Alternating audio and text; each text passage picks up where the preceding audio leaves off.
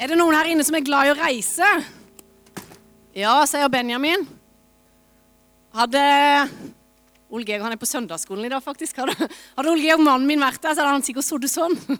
Nei, ikke akkurat. Han er veldig glad i å være hjemme i Froland. Det hender jeg får han med meg over grensa av og til. Til Arendal, nei da. Men eh, vi liker oss vel best på Laurak, men det hender vi reiser. Det gjør det. Har du tenkt over at eh, når en skal ut og reise, og forskjellig en er i forhold til hva en tenker på bagasje Kanskje er du av den personen som eh, tenker at eh, ok, nå skal jeg på tur mandag, tirsdag, onsdag, torsdag. Da har jeg med meg fire bukser, fire par sokker, fem truser i tilfelle det skulle gå galt. jeg har fem gensere, og så Ja, da har jeg liksom Da har jeg det. Eller er du motsatt enn som tenker at ja, jeg skal jo til Lanzarote, var det det var, Katrine? Ja, Men Lanzarote jau, der skal jo egentlig være varmt. Men eh, jeg pakker med meg Gore-Tex-jakka i tilfelle. En vet jo aldri, og det kan være greit å ha ei lue i tilfelle vinden, liksom. Det kan, Du må helgardere deg. Og jau, jeg skal jo ha med meg de skoene jeg har hatt i tre år nå, men en vet jo aldri. Det kan hende jeg plutselig får gnagsår. Jeg pakker med meg litt gnagsårplaster. Og så putter han oppi, putter oppi, og så må jeg ha Ja, OK, skal, skal det være formelle klær, eller skal det være uformelle? Og så pakker du og pakker og pakker. Og så kommer du på flyplassen, så har du fem kilo overvekt allerede før du har tatt av. Ja, sånn er det. Vi er forskjellige. Har du tenkt over det at eh, livet, vårt, livet vårt det er jo på en måte en reise? Og for noen så blir denne reisen lang, mens for andre så blir den altfor kort. Noen syns livsreisen for, meste, for det meste er veldig grei. Du har det greit. Mens for andre så kan den oppleves enormt utfordrende og til tider veldig tøff. Som jeg nevnte, så er det jo sånn at Når en skal ut og reise, så har en med seg bagasje. Og Har du tenkt over det at der du er i livet nå, så har du òg med deg en bagasje? Det er bagasje på både godt og på vondt. Hvem du er, hvem som har forma deg, og hva. Nå prater jeg fint. Det skal å som har forma deg, men hva som har forma deg. Og har prega din livs- eller din trosreise. Eh, jeg treffer ganske mange mennesker både gjennom idrettsmiljøet, for det er en plass jeg liker meg veldig godt. PH her om fredagen, det er eh, sånn ungdomsarbeid som vi driver her på fredagen. Konfirmantene treffer jeg. Andre steder som jeg treffer mennesker, så, så kommer en mange ganger i snakk i forhold til tro, tvil, hvem er egentlig Gud? Og jeg har oppdaga at mange mennesker har ulike oppfatninger og ulike bilder på hvem er egentlig Gud. Hvem er han, og åssen er han? Og de bildene eller de erfaringene mennesker har av hvem Gud er, de kan en merke at enten så svekker de, eller så vekker de smaken og interessen på mer av Gud. Enten svekker det, eller så vekker det. Og felles for oss alle er vel at den bagasjen vi har med oss, den har forma bildet vårt av hvem egentlig Gud er. Og jeg syns det er skremmende mange som har oppfatta Gud som en kravstor Gud. En som de aldri blir god nok for. En som er uberegnelig, hard, fjern, fraværende. Som ikke er interessert i deres liv og deres hverdag. Som ikke de tør å nærme seg. Og det får meg til å tenke.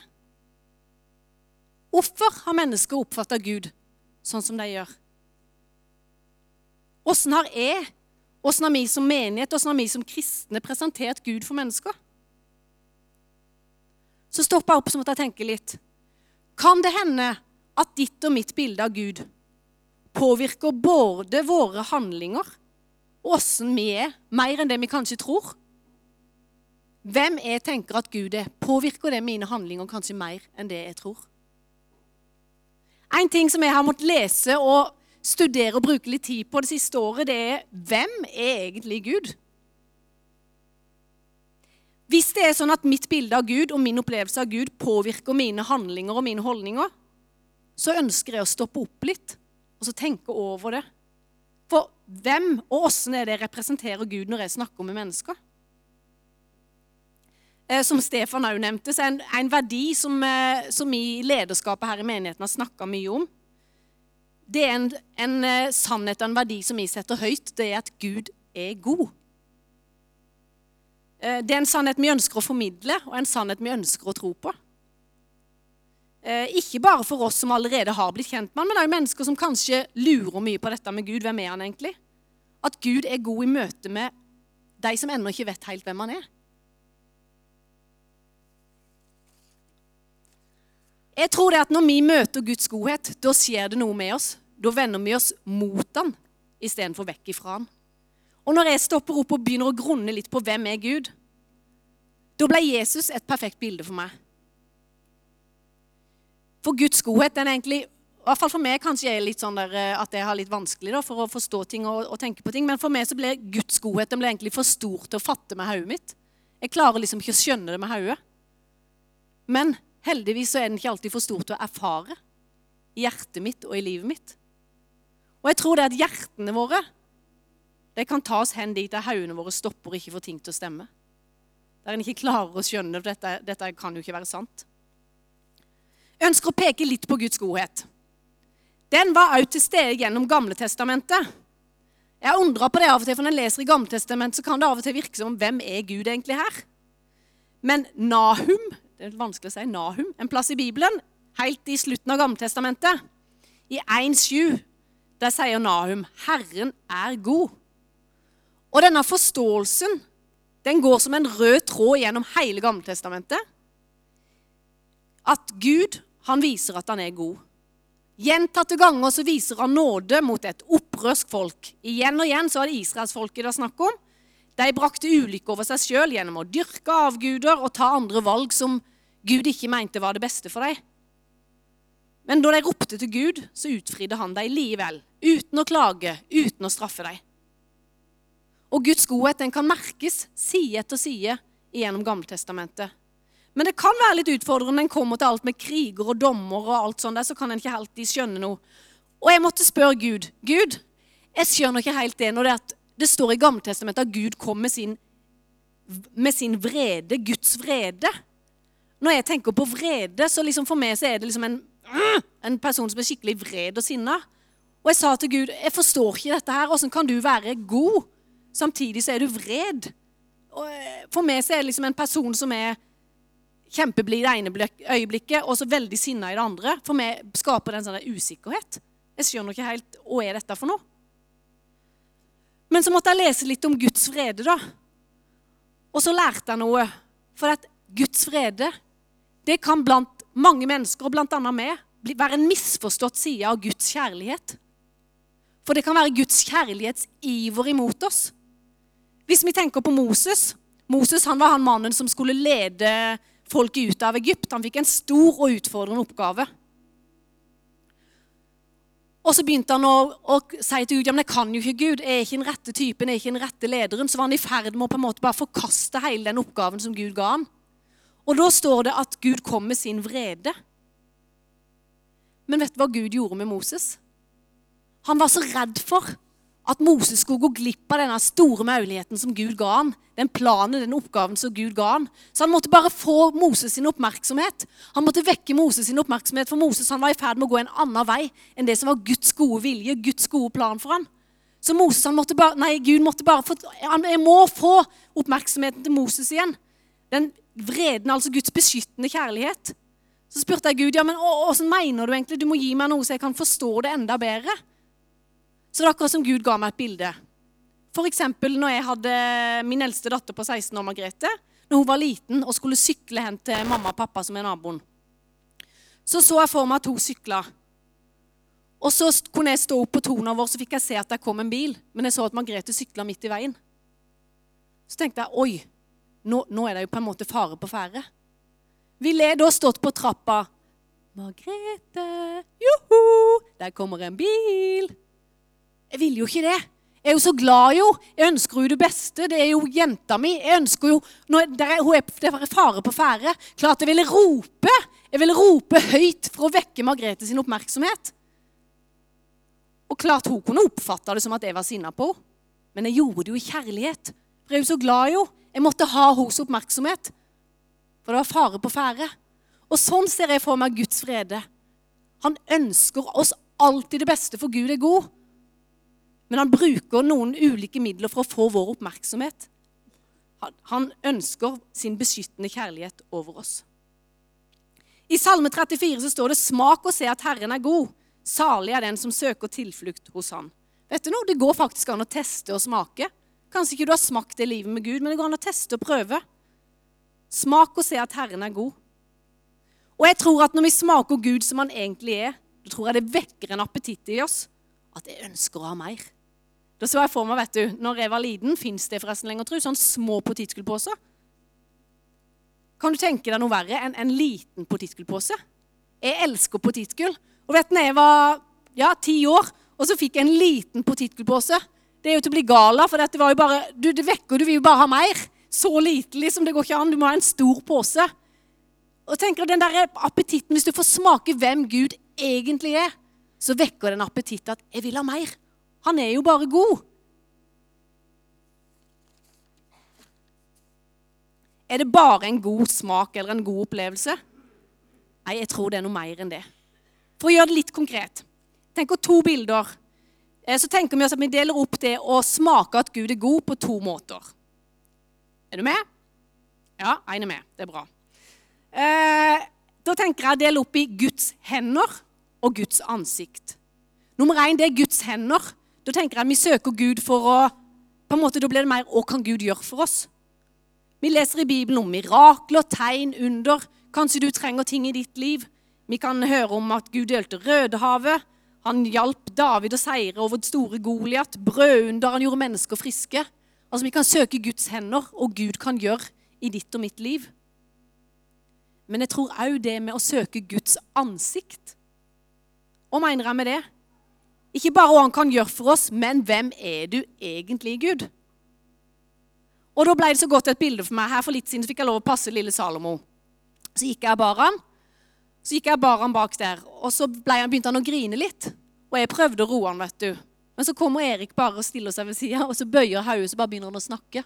Så så du bare hodet til Salomo begynte.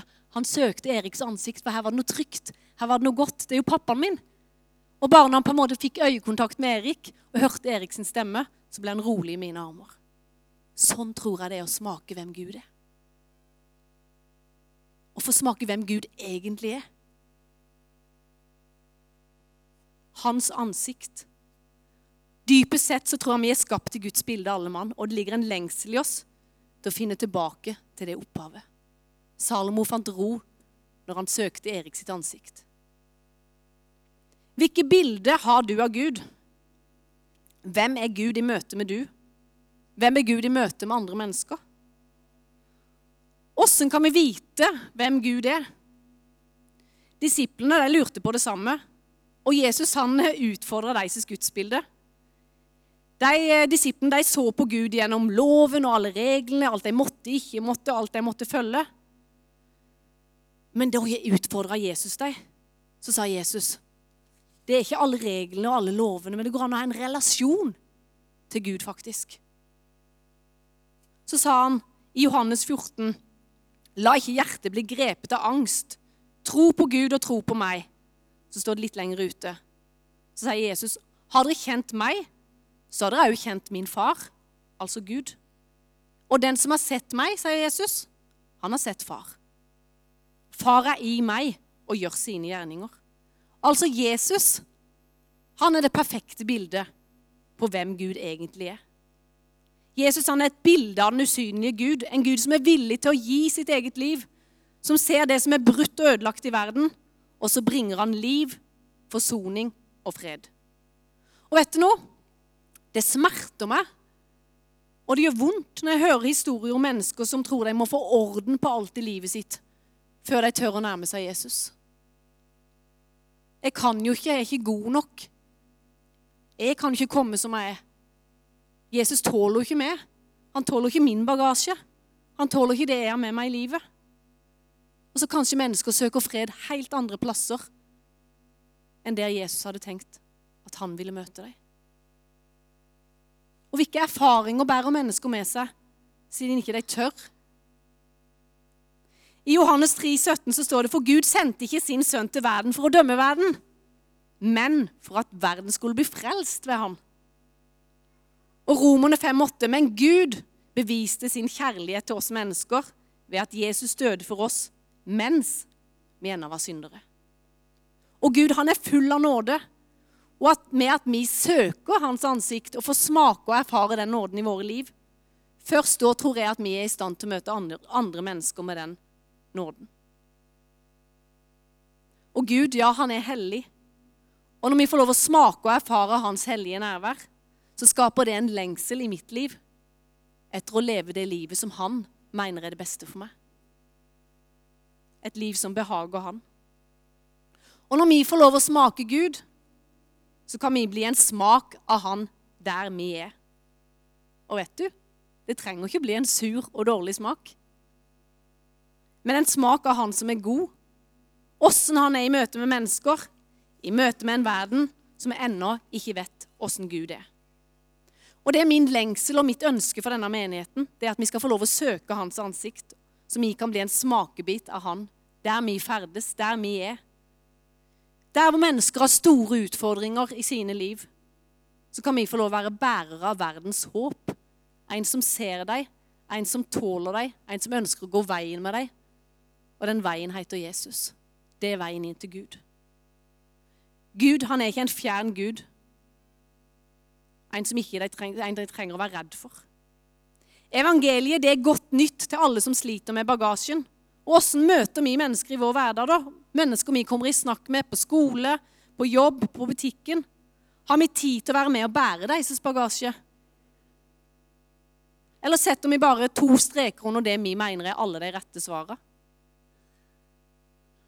Tåler vi å høre deres opplevelser, se på deres oppførsel og samtidig møte dem med Guds nåde og Guds sannhet? Jeg opplevde sjøl her på PH eh, om fredag ei jente som var her for andre gang, oppe på PH. Som eh, hadde en bagasje som eh, var inn og ut av barnevernsinstitusjoner. Og helt fra hun var seks år gammel, så hadde hun hatt et utfordrende og tøft liv. Og så prater jeg litt med henne, og så går det en stund, så stopper hun, så kikker hun meg rett inn i øynene. Så hun, spør hun er det lov å stille spørsmål. Ja, det er lov å stille spørsmål, sa jeg. Jeg elsker spørsmål. Ikke sikkert det er svaret på alle. Men jeg syns det er så bra når ungdommer tør å stille spørsmål. Så kommer hun med en haug med spørsmål til meg. Men bak de spørsmåla så opplevde jeg at egentlig så var det ikke bare alt dette her, men hun lurte egentlig på tåler du meg. Tåler du den bagasjen jeg har? Tåler kirka den bagasjen jeg har? Kan jeg egentlig være her i denne kirka fordi jeg tenker sånn og sånn? Og da var det så godt for meg å bare kunne møte henne med et ja. Ja, vet du noe? Jeg tror Gud elsker deg. Jeg tror Gud er interessert i deg. Jeg tror Gud har lyst til å bli kjent med deg. Og vet du noe? Jeg ønsker å være her for deg. Med hele din bagasje, med alt det du har. Her kan du stille alle dine spørsmål. Du kan tro, du kan tvile. Du får lov å stille spørsmål. Tåler vi bagasjen mennesker kommer med? I boka 'Reisen hjem' til Egil Svartdal, som også har blitt filma og sendt på TV, så møter Egil mange mennesker. Han snakker om gudstroen som enten ble styrka eller svekka underveis. Og Et av de kapitlene i den boka, eller programma som rørte med meg, det var da han møtte Gro Helen Tørum. Jeg vet ikke om dere har hørt hvem det er? Hun blir populært kalt Heksa fra Nordstrand. Hun har program på TV som heter Åndenes makt. Og sånn I utgangspunktet så måtte jeg, jeg måtte ta meg sjøl i det, for jeg har tenkt liksom Hva er dette for et program? Nei, fy, liksom. Sånn måtte jeg ta meg i at Hva er dette for noe? Men så fikk jeg høre bagasjen og historien til Gro Helen. Hun forteller at hun begynte på søndagsskolen som fireåring. Der lærte hun at ja, Jesus elsker alle barna. lærte Hun Hun beskrev den sangen som sin sang, og hun sier i dag at hun er veldig glad i den sangen. Men så kom tida hun skulle konfirmeres. Hun beskrev seg sjøl som en av de litt ungdommen med litt mye liv. De kjenner vi til. Hun syntes at kirkebenkene var så harde og fikk vondt i rumpa av å sitte i kirkebenken. Så hun tenkte en løsning på det, ung og kreativ, så hun tenkte at jeg har jo fått en bibel.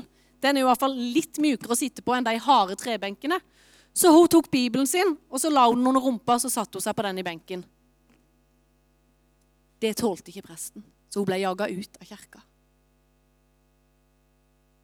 Og da opplevde hun som konfirmant Presten elsker ikke med han. Han tåler ikke med han. Seinere opplevde hun noe tragisk i ungdomsåra.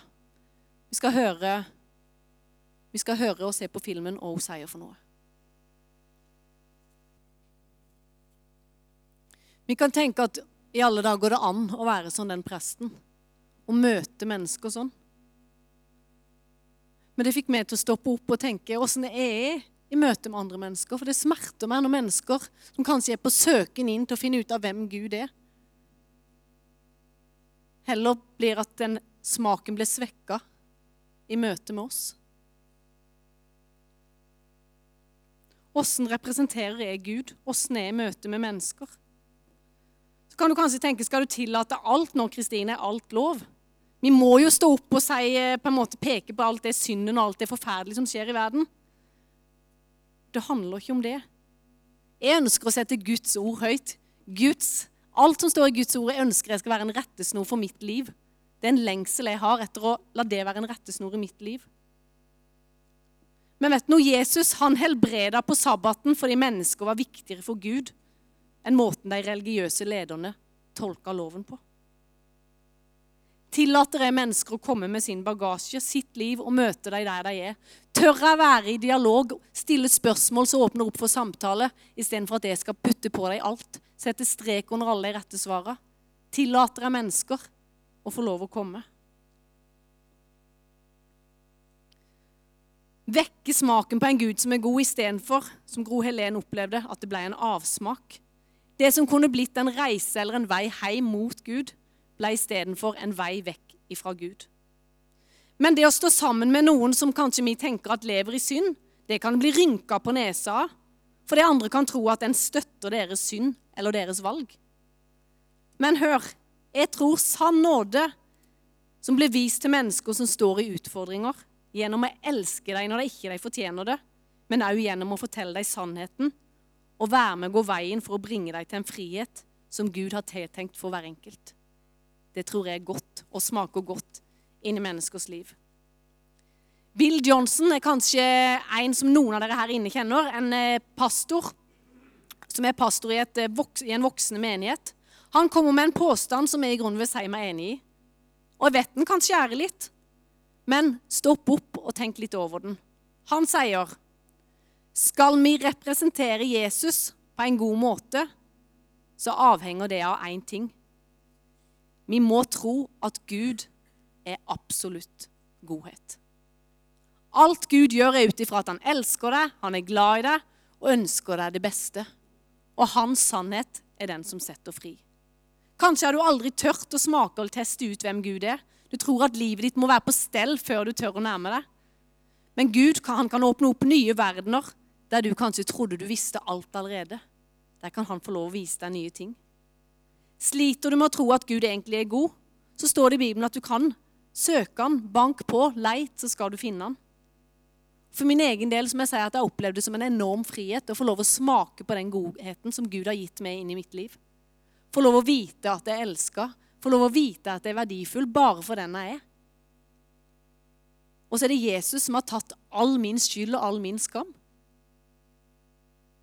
Og så kan jeg få lov å leve i den friheten hver eneste dag om at jeg er god nok. Det er en enorm frihet.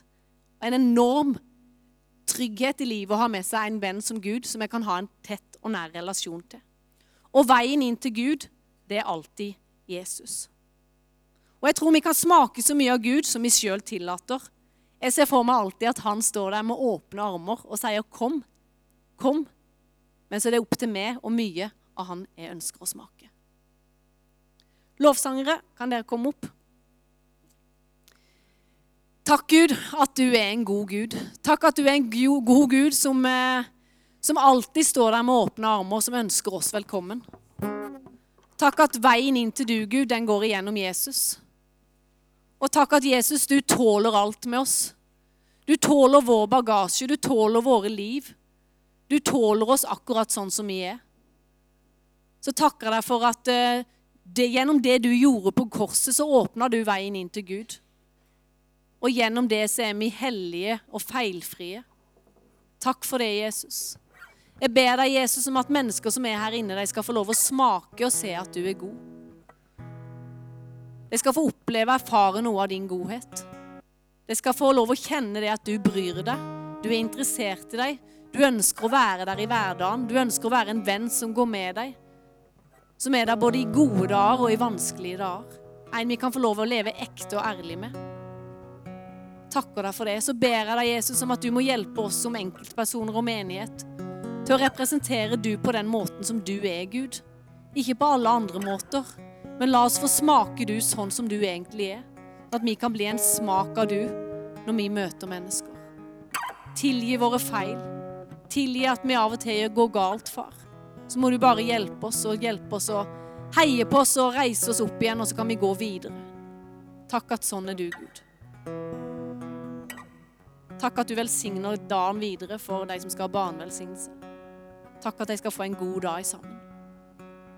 Takk for det. Amen.